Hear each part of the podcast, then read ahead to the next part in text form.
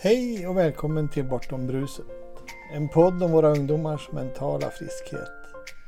Vi som gör den är jag, Ivan Karlsson, och min kollega och kära vän Cecilia Hector. Vi har båda stirrat mörkret i vitögat och tagit oss ur det mörkret. Nu vill vi visa på vårt medfödda välmående och att vad som än händer omkring oss kan vi må bra. Att det är okej okay att inte vara okej. Okay. Att det bortom bruset finns en piccoloflöjt. Välkommen och tack för att ni lyssnar.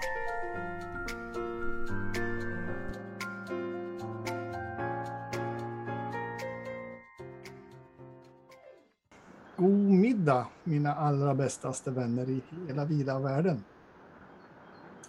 Ivan Karlsson här med podden Bortom bruset. Och med mig har jag ju naturligtvis min allra bästaste kompis och vän Cecilia Hector. Hej Cecilia, hur mår du idag? Hej Ivan! Jo tack, lite förkyld är jag faktiskt men jag eh, sitter ändå här eh, för jag tycker det är viktigt att vi fortsätter och eh, sen släppa ut våra avsnitt till den stora vida världen. Så jag är på plats. Suveränt. Avsnitt, ja det här är oslagbara avsnittet 21. Mm. Nu, nu hoppas jag att vår gäst skärper till sig. Eh, vi har en gäst här som eh, jag snubblade över kan man nästan säga för ett par veckor sedan. Och hans eh, inlägg, profil, sjönk in i mitt hjärta med en stor kärleksfull duns. Han har jobbat i ett antal år, 25, med ungdomars mentala friskhet. Men han ska få berätta själv. Jag ska inte dra storyn utan vi hälsar Lasse Mattila. Hjärtligt välkommen till Bortom bruset. Tack så mycket. Så berätta lite kort bakgrunden och vem du är idag.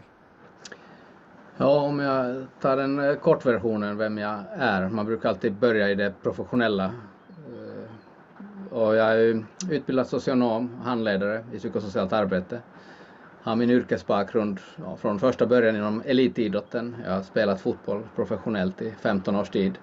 Men som socionom så har jag min yrkesbakgrund inom socialtjänsten där jag har ja, handlagt egentligen alla typer av ärenden utom försörjningsstöd eller ekonomiskt bistånd. Sen har jag jobbat ett antal år inom skolans värld som skolkurator och sen varit tillbaka inom socialtjänsten och då som arbetsledare i ett kommunalt samarbete mellan socialtjänst, skola och kultur och fritid. Sen är jag de senaste, ja, vad blir det, 8-9 åren fram till för två år sedan ungefär eh, jobbat som enhetschef och handledare inom området för förstärkt jour och familjehemsvård. Alltså barn och unga som blir omhändertagna till samhällets vård. Och sen har jag varit ute och föreläst nu, vad blir det, ja, drygt 25 år det också. Eh, för barn och unga men de senaste åren kanske mest för vuxna som möter barn och unga i olika roller. Om barns och ungas utsatthet och utanförskap och det vi då skulle kunna kalla för psykisk ohälsa och framförallt återhämtning. Då. Sen är jag också nationell utbildare och utbildar eh, statliga, kommunala, regionala myndigheter men också privata aktörer och ideella aktörer i hanteringen av skyddade personuppgifter. Sen är lite ideella uppdrag också i de här, de här frågorna så det är väl lite, lite kort om vem jag är idag i alla fall. Kort? Mm. ja. det, var, det var mycket det. Det låter jättebra. Mm. Hur kom du in på det här med, med våra ungdomar? Jag, jag märker när jag läser din profil och, och hör att ungdomar ligger dig varmt om hjärtat. Mm. Eh, och det är ju kanske en lite längre historia däremot och jag ska inte dra hela den givetvis. men, men man kan väl säga att eh, om jag tittar på min egen resa genom livet så började den eh, i vår östra grannland Finland. Det hörs säkert när jag pratar mm. också. Ehm, och kommer, från, kommer själv från en ganska, vad ska man säga, dysfunktionell miljö. Förlorade mina föräldrar ganska tidigt. Min pappa dog när jag var två och min mamma som någonstans där påbörjade ett alkoholmissbruk gick bort när jag var 13. Och jag tror säkert att det har präglat mitt liv även senare på, på flera sätt men också kanske också väckt någon form av vad ska man säga, socialt engagemang i mig så att jag tror säkert att eh, mitt engagemang idag eh, har också med min egen resa i livet att göra. Jag tror det är så för oss människor att våra resor någonstans formar oss och förbereder oss, förbereder oss för det vi ska ägna vår tid, oss, tid åt här i livet. Mm. Mm. Sen är vad ser du skillnaden då över den här tiden när det gäller våra ungdomar? Eh, från det att jag själv växte upp till ja. idag, tänker du? Eller? Ja. ja. Det du har jobbat med så att säga, inom mm. socialtjänsten? Ja, det är en bra fråga. Om man tittar på hur samhällsutvecklingen har sett ut, nu relaterat som sagt till när jag själv var äh, liten. Jag delade faktiskt på sociala medier igår ett minne jag fick av en, mm. äh, en släkting, en, en bild från när jag själv var tre år. Bilder som jag aldrig har sett själv. Och det är klart, jag reflekterar lite då hur, ja, dels hur mitt liv såg ut då, men också lite hur samhället såg ut då jämfört med hur det ser ut idag. Och det är klart, det har ju hänt ganska mycket på de här 40, 45 åren som jag har gått sedan dess. Liksom. Eh, så någonstans har jag nog haft en föreställning. Jag har inga, inga större belägg, framförallt inga vetenskapliga belägg för det för min del. Men eh, jag tror att samhället ställer nog större krav idag på våra barn och unga än vad som var då. Om man bara tittar på den här tillgången till all information som finns. Hur vi översköljs av information eh, redan som barn. Och där det ställer också krav på oss hur vi ska hantera den informationen och, eh, och så för att kunna orientera oss i livet. Mm. Sen har säkert ja, det... samhället ändrat sig på många sätt men det är något som jag tänkte sådär halvspontant nu när du ställde frågan. Vi pratar ju mycket i den här podden om vad som är eh, vårt eh, naturliga tillstånd eller vad som är naturligt för oss människor att eh, eh reagera på eh, med våra känslor och eh, vad som är medfött och att eh, vi liksom eh, när vi möter barn och ungdomar ska på något sätt veta om att att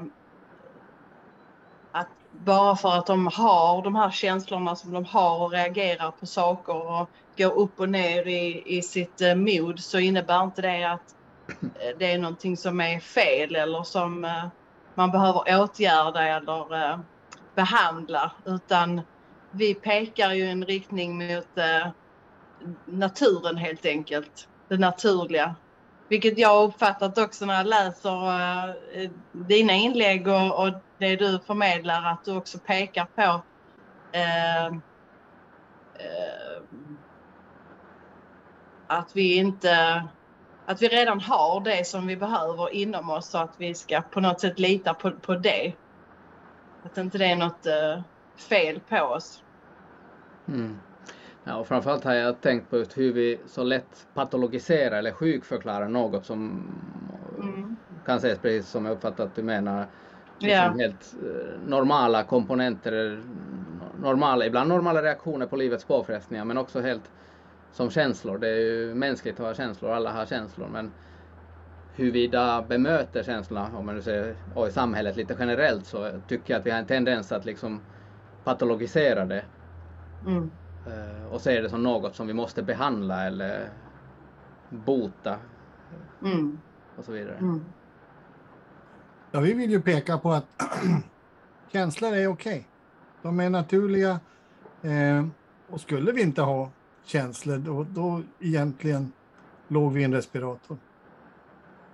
Därför att känslorna kommer ifrån, skapas inifrån oss själva. Eh, med vad vi tänker i stunden om det som händer runt omkring oss. Eh, bonden efter en lång blöt sommar kommer att älska solen. Eh, bonden kommer att hata solen när det har varit sol hela sommaren. Det är samma sol men olika känslor. Och vad skiljer det åt? Jo, vi har olika tankar beroende på var vi är någonstans. Och det är likadant med våra ungdomar.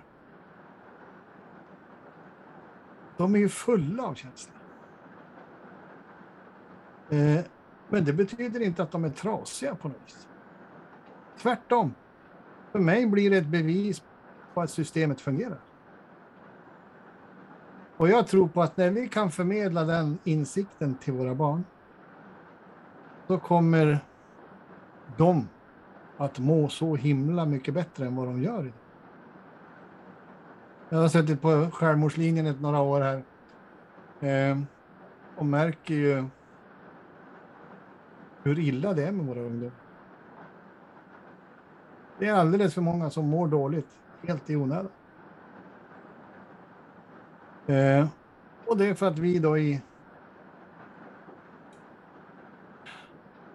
här i samhället har pekat på att det är de yttre omständigheterna som bestämmer hur du mår. Det är 180 grader fel. Vädret kan aldrig bestämma hur jag mår. Mina tankar om vädret däremot. Ehm, så det är det vi vill peka på. Jag, jag, känner lite grann att du också i dina texter, eh, dina sånger, eh, vill peka på något liknande. Och om då vägvisaren är att vi ska söka oss utåt, då kan det ju lätt bli det att man fastnar i eh, alkohol, eh, droger, eh, sånt som man tror ska liksom eh, lugna det här eh, inom, som jag inte kan hantera inom mig utan jag tittar ut med mina ögon och ser, eh, letar var, var kan jag finna ro någonstans i, i, till, till vad, vad, kan jag ta till mig utifrån som kan ge mig den ron istället för att um, se det som att jag har det här inom mig. Mm. Ja, något som jag tänkte på när, när ni pratade, alltså nu när jag har jobbat mitt yrke, yrkesverksamma liv med barn och unga så, som har levt i utsatta situationer på olika sätt och upplevt också svåra saker. Och vilka känslomässiga avtryck har de erfarenheterna mm. som de har förvärvat skapat i dem?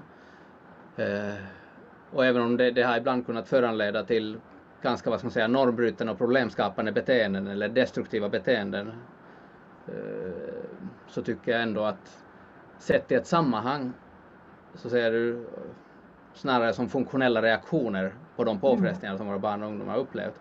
Och där kan man givetvis behöva ha ett stöd för att kunna sortera eh, och, ja, och hantera de känslor som uppstår. Så att, eh, ja. Är det naturligt att reagera på en, eh, en onaturlig eh, situation? Ehm, genom att man mår dåligt men att, att det finns trygga människor runt omkring en som kan liksom eh, peka en på, eh, på rätt väg istället för att eh, börja behandla med en massa Eh, hitta på att man, eh, ja då har du någon diagnos, om du, du reagerar på detta här så, så måste du eh, ha någon diagnos eller då måste du ha någon lugnande mediciner. Att mm. vi vuxna faktiskt har en stor uppgift att stå för den här stabiliteten och tryggheten och inte sväva iväg och, och i deras i, inte bara ungdomars men människor som, som mår dåligt det är lätt att sväva iväg och hänga med där i karusellen. Där tror jag också att alltså deras vuxnas bemötande, jag håller med dig, den är ju helt, ofta helt avgörande också men eh, någonstans blir det frågan också vilken grundsyn man har som vuxen. Mm. För det är klart att om vi nu ser eh, de olika uttrycken som våra barn och ungdomar har och visar eh, som något sjukt eller patologiskt eller ser det beror på kemiska obalanser i hjärnan, vilket ju fortfarande är den här en av de mest seglivade myterna som finns om psykisk ohälsa, om vi nu pratar om psykisk ohälsa. Så, så det är klart att då blir ju den farmakologiska modellen eller de insatser som vi mångt och mycket har idag en naturlig följd av det. Men hade vi istället, istället sett på det så som ni var inne på förut och som vi pratade förut om också, som funktionella reaktioner på livets påfrestningar, så blir ju insatserna förmodligen helt andra också.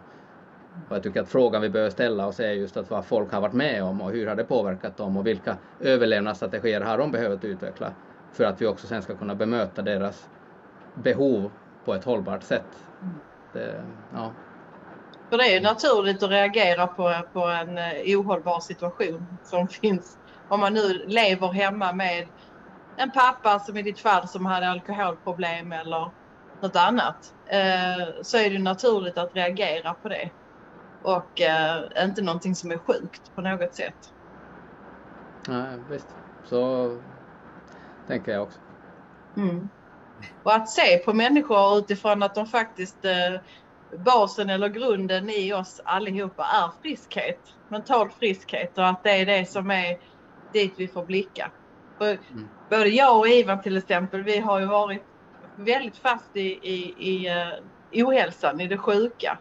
Jag har ju gått på alla de eh, eh, nitarna kan man väl säga i livet där jag har eh, eh köpt den här idén att eh, jag är sjuk och jag måste äta mediciner och jag måste dricka alkohol och jag måste göra allt det där. Så eh, det är väldigt lätt att eh, ramla dit om det är så man vägleds.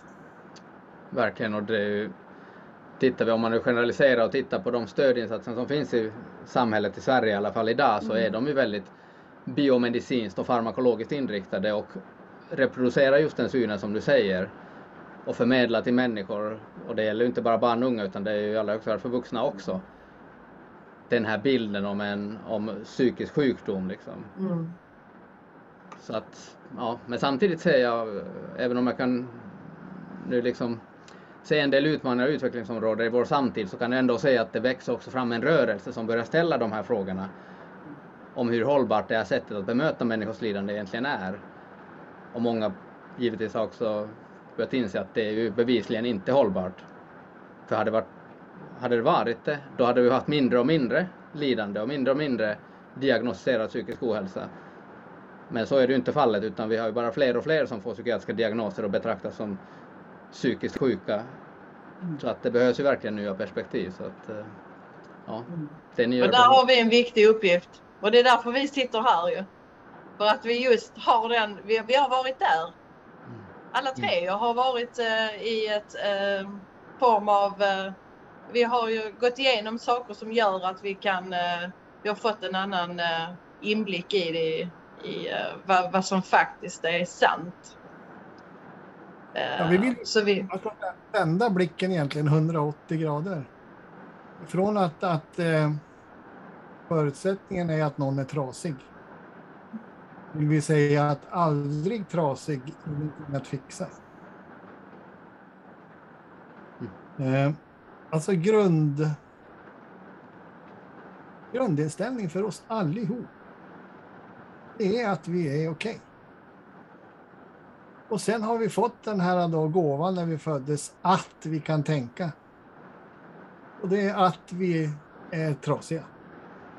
Som vi då blir itutade ifrån vården och lärare och samhället i stort. Om någon beter sig lite knepigt, då är det något som är fel. Nej, nej, nej. Som jag sa tidigare, systemet fungerar. Det är som det ska. Ja, systemet här inne fungerar. Ja. Men inte systemet här ute. Jag kommer att tänka på annat när jag lyssnar på dig där Ivan. Jag tänkte på, jag läste något citat, jag kommer tyvärr inte ihåg vem som hade sagt det, men att man ska aldrig försöka laga något som inte är trasigt. Precis! Exakt! Tack Lasse! Mm. Och det är den tvärsvängen, om vi säger i Norrland då. 180 grader i en annan riktning som vi vill peka. Dels våra ungdomar men också de vuxna runt omkring våra ungdomar. Skuldbelägg dem inte. Gör dem inte till eh, problem. Älska dem istället. Allt du bara kan. Kärleksbomba. Vill jag påstå. Det kommer att ha mycket bättre effekt än vilka mediciner som helst. Mm. Nu låter det som en citatmaskin, men jag kommer att tänka på en annan citat nu när jag lyssnar på det igen. Jag tänkte på det på något starkt sätt att de av våra barn och unga som behöver vår kärlek som mest visar det ofta, mest, de, visar det ofta med de mest oälskvärda sätten. Mm. Ja, eh, precis. Ja.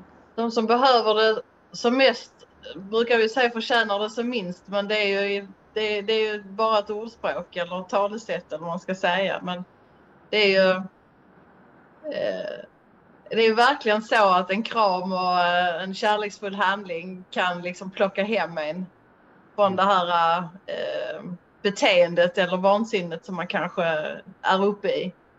Och eh, att det verkligen är så att att du kan nå fram till en annan människa genom att uh, bara vara där och visa mm. kärlek. Där tror jag att vi har en föreställning ofta som vuxna eller som även yrkesverksamma att det, det måste alltid handla om, om de här mest revolutionerande metoderna eller teknikerna eller mm. sakerna. Men jag kommer att tänka på en studie jag tog del av där man hade intervjuat, nu var det vuxna människor som hade växt upp ja, som maskrosbarn, de kom från missbruksmiljöer. Och då hade man ställt dem frågan i vuxen ålder, vilka var de viktiga vuxna för er under eran uppväxt? Och det var några som sa att ja, men det var läraren eller det var farmor eller morfar eller ja, olika personer, idrottsledaren. Men det var ett svar som ets, etsade sig lite extra fast hos mig och det var någon som sa att det var busschauffören. Och jag tänker att det, man behöver inte alltid ta på sig den här stora terapeutkoftan för att göra skillnad för människor utan det är kanske bara inom stationstecken det vanliga mellanmänskliga mötet, att vi ser varandra, vi bekräftar varandra och varandras verklighetsupplevelse och så vidare. Så att jag tror man kommer ganska långt med det. Det kan vara vem som. Det kan till och med vara ett djur. Jag, jag ryser när jag, när jag hör dig Lasse, för att det är ju precis. Alltså den där busschauffören, han visade kärlek. Mm. Så enkelt är det. Någon som har det tid. Det fanns inga andra tankar i hans huvud. Ja, om man tittar på förutsättningar i ett sådant möte. Eh, jag tror att man kan, vilken roll vi än har, så tror jag att vi kan göra en ganska stor skillnad för våra medmänniskor, både barn, unga men också vuxna. Samtidigt så jag tror att vi har ibland en tendens att underskatta vår egen betydelse för andra människor. Mm. Eh, och jag tror det är det, i det till synes lilla som jag tror det stora ligger mm. egentligen. Precis. Och det är ju bortom titlar. Att bara dyka upp med din, eh, din närvaro och ditt hjärta. Och det, och det har man, ursäkta nu kanske jag avbröt dig där, men eh, kommer att tänka på andra ja. just om det här med relationens betydelse i förändringsarbetet. Man har tittat på liksom hur stor del av förändringen byggde på metoden som man använde i arbetet och hur mycket byggde på relationen. Nu var det här inom missbruksvården. Då visade det sig att ungefär 8% av förändringen byggde på den metoden man hade valt att använda. Medan över 80% av förändringen byggde på relationen mellan, i det här fallet, behandlaren och den det gäller. Liksom. Det överensstämmer väldigt väl med mina empiriska eh, yrkeserfarenheter och arbete med barn och unga. Att har du en förtroendefull och tillitsfull relation i grunden, då blir allting plötsligt möjligt. Det är som det här med kommunikation. Man kan dela in det i tre delar. Och orden är 7 procent. Kroppsspråket är 55. Och tonläget som du då uttalar de här orden är resten då 38. Så att eh, alltså det här då, det man kan ta på orden så att säga en försvinnande del medan den här eh, formlösa kroppsspråk och tonläge är det viktiga. Det går ju tillbaka till den här... Ja, det är intressant. Och, och tittar vi på var i vårt samhälle hittar vi de här insatserna som bygger på det relationella eller på relationen. Mm. Det är klart, de är lätt, ganska lätträknade. Ehm, så att man pratar även på utbildningar på olika sätt att det är det här professionella förhållningssättet där det är vi och dem lite grann om man nu ska generalisera. Mm. Det är i relationen som förändringen ligger. Jag har ju mm. tagit upp ett antal gånger, jag har ju bott på behandlingshem ett tag. Eh, för att jag var i så dåligt skick med mig själv. Och ehm, under den tiden så fick jag eh, enormt mycket olika behandlingsformer. Och jag blev bara sämre tyvärr av, av allt det. Men det var någonting som verkligen jag har eh, tagit med mig från, eh, eh från en av dem som eh, behandlarna eller de som jobbade där. Och det var när vi, vi åkte ner till hamnen och eh, köpte en glass och satte oss ner i hamnen och bara satt där och pratade och åt glass och eh, hon berättade om eh, sin, eh, sitt barnbarn och sin familj. Och, eh, ja, vi pratade om allt annat eh, och bara hade ett jättefint eh, möte med en glass. Och det är det jag, av allt det som som jag fick eh, gå i med behandlingsformer och sånt så är det en av de grejerna som jag mest har tagit med mig. Och då handlar det om att äta en glass. Väldigt fint exempel tycker jag på. Tack för den. Mm. Vikten av relation. Mm. Vi har passerat 20 minuter min vän. Om eh, människor skulle vilja få tag i dig, hur ska de göra då? Nu hörde jag inte frågan, vad sa du? Om någon skulle vilja prata med dig om, om, om det här, hur ska de göra då? Ja, då kan man höra sig. Ja, då kan man höra av sig till mig om man vill. eh, Det går på flera sätt. Dels kan man se på min hemsida lassemattila.com. Där finns alla mina kontaktuppgifter och man får höra av sig som man, eh, som man vill. Att, Mm. Men du har också skrivit en bok, eller hur? Som, som riktar sig till väl framförallt föräldrar och Och jag har skrivit två böcker. Den ena som heter Att förebygga livslångt utanförskap. Den, eh, den, ja, den har utgångspunkt i det här med utsatthet eh, och dess omfattning, uttryck och kostnader. Både de mänskliga och samhällsekonomiska men givetvis också hur vi kan både förebygga och avhjälpa det. Och sen den andra boken heter Att bygga bärande relationer som ju handlar om det här med relationens betydelse i förändringsarbetet och hur vi kan bygga de bärande relationerna för förändringen. mm. Skriver in den informationen i texten. Gör Ja. jag. ja, så vi får veta var de finns. Ja, det blir fint. Det var jättefint att ha dig här. Tack, Tack för Lasse. att jag fick komma. Och Tack lycka till med det viktiga arbetet. Ja, Mm, det är det. Hej med er allihop! Ja, tack så mycket. Hej då! Hej då! Hej!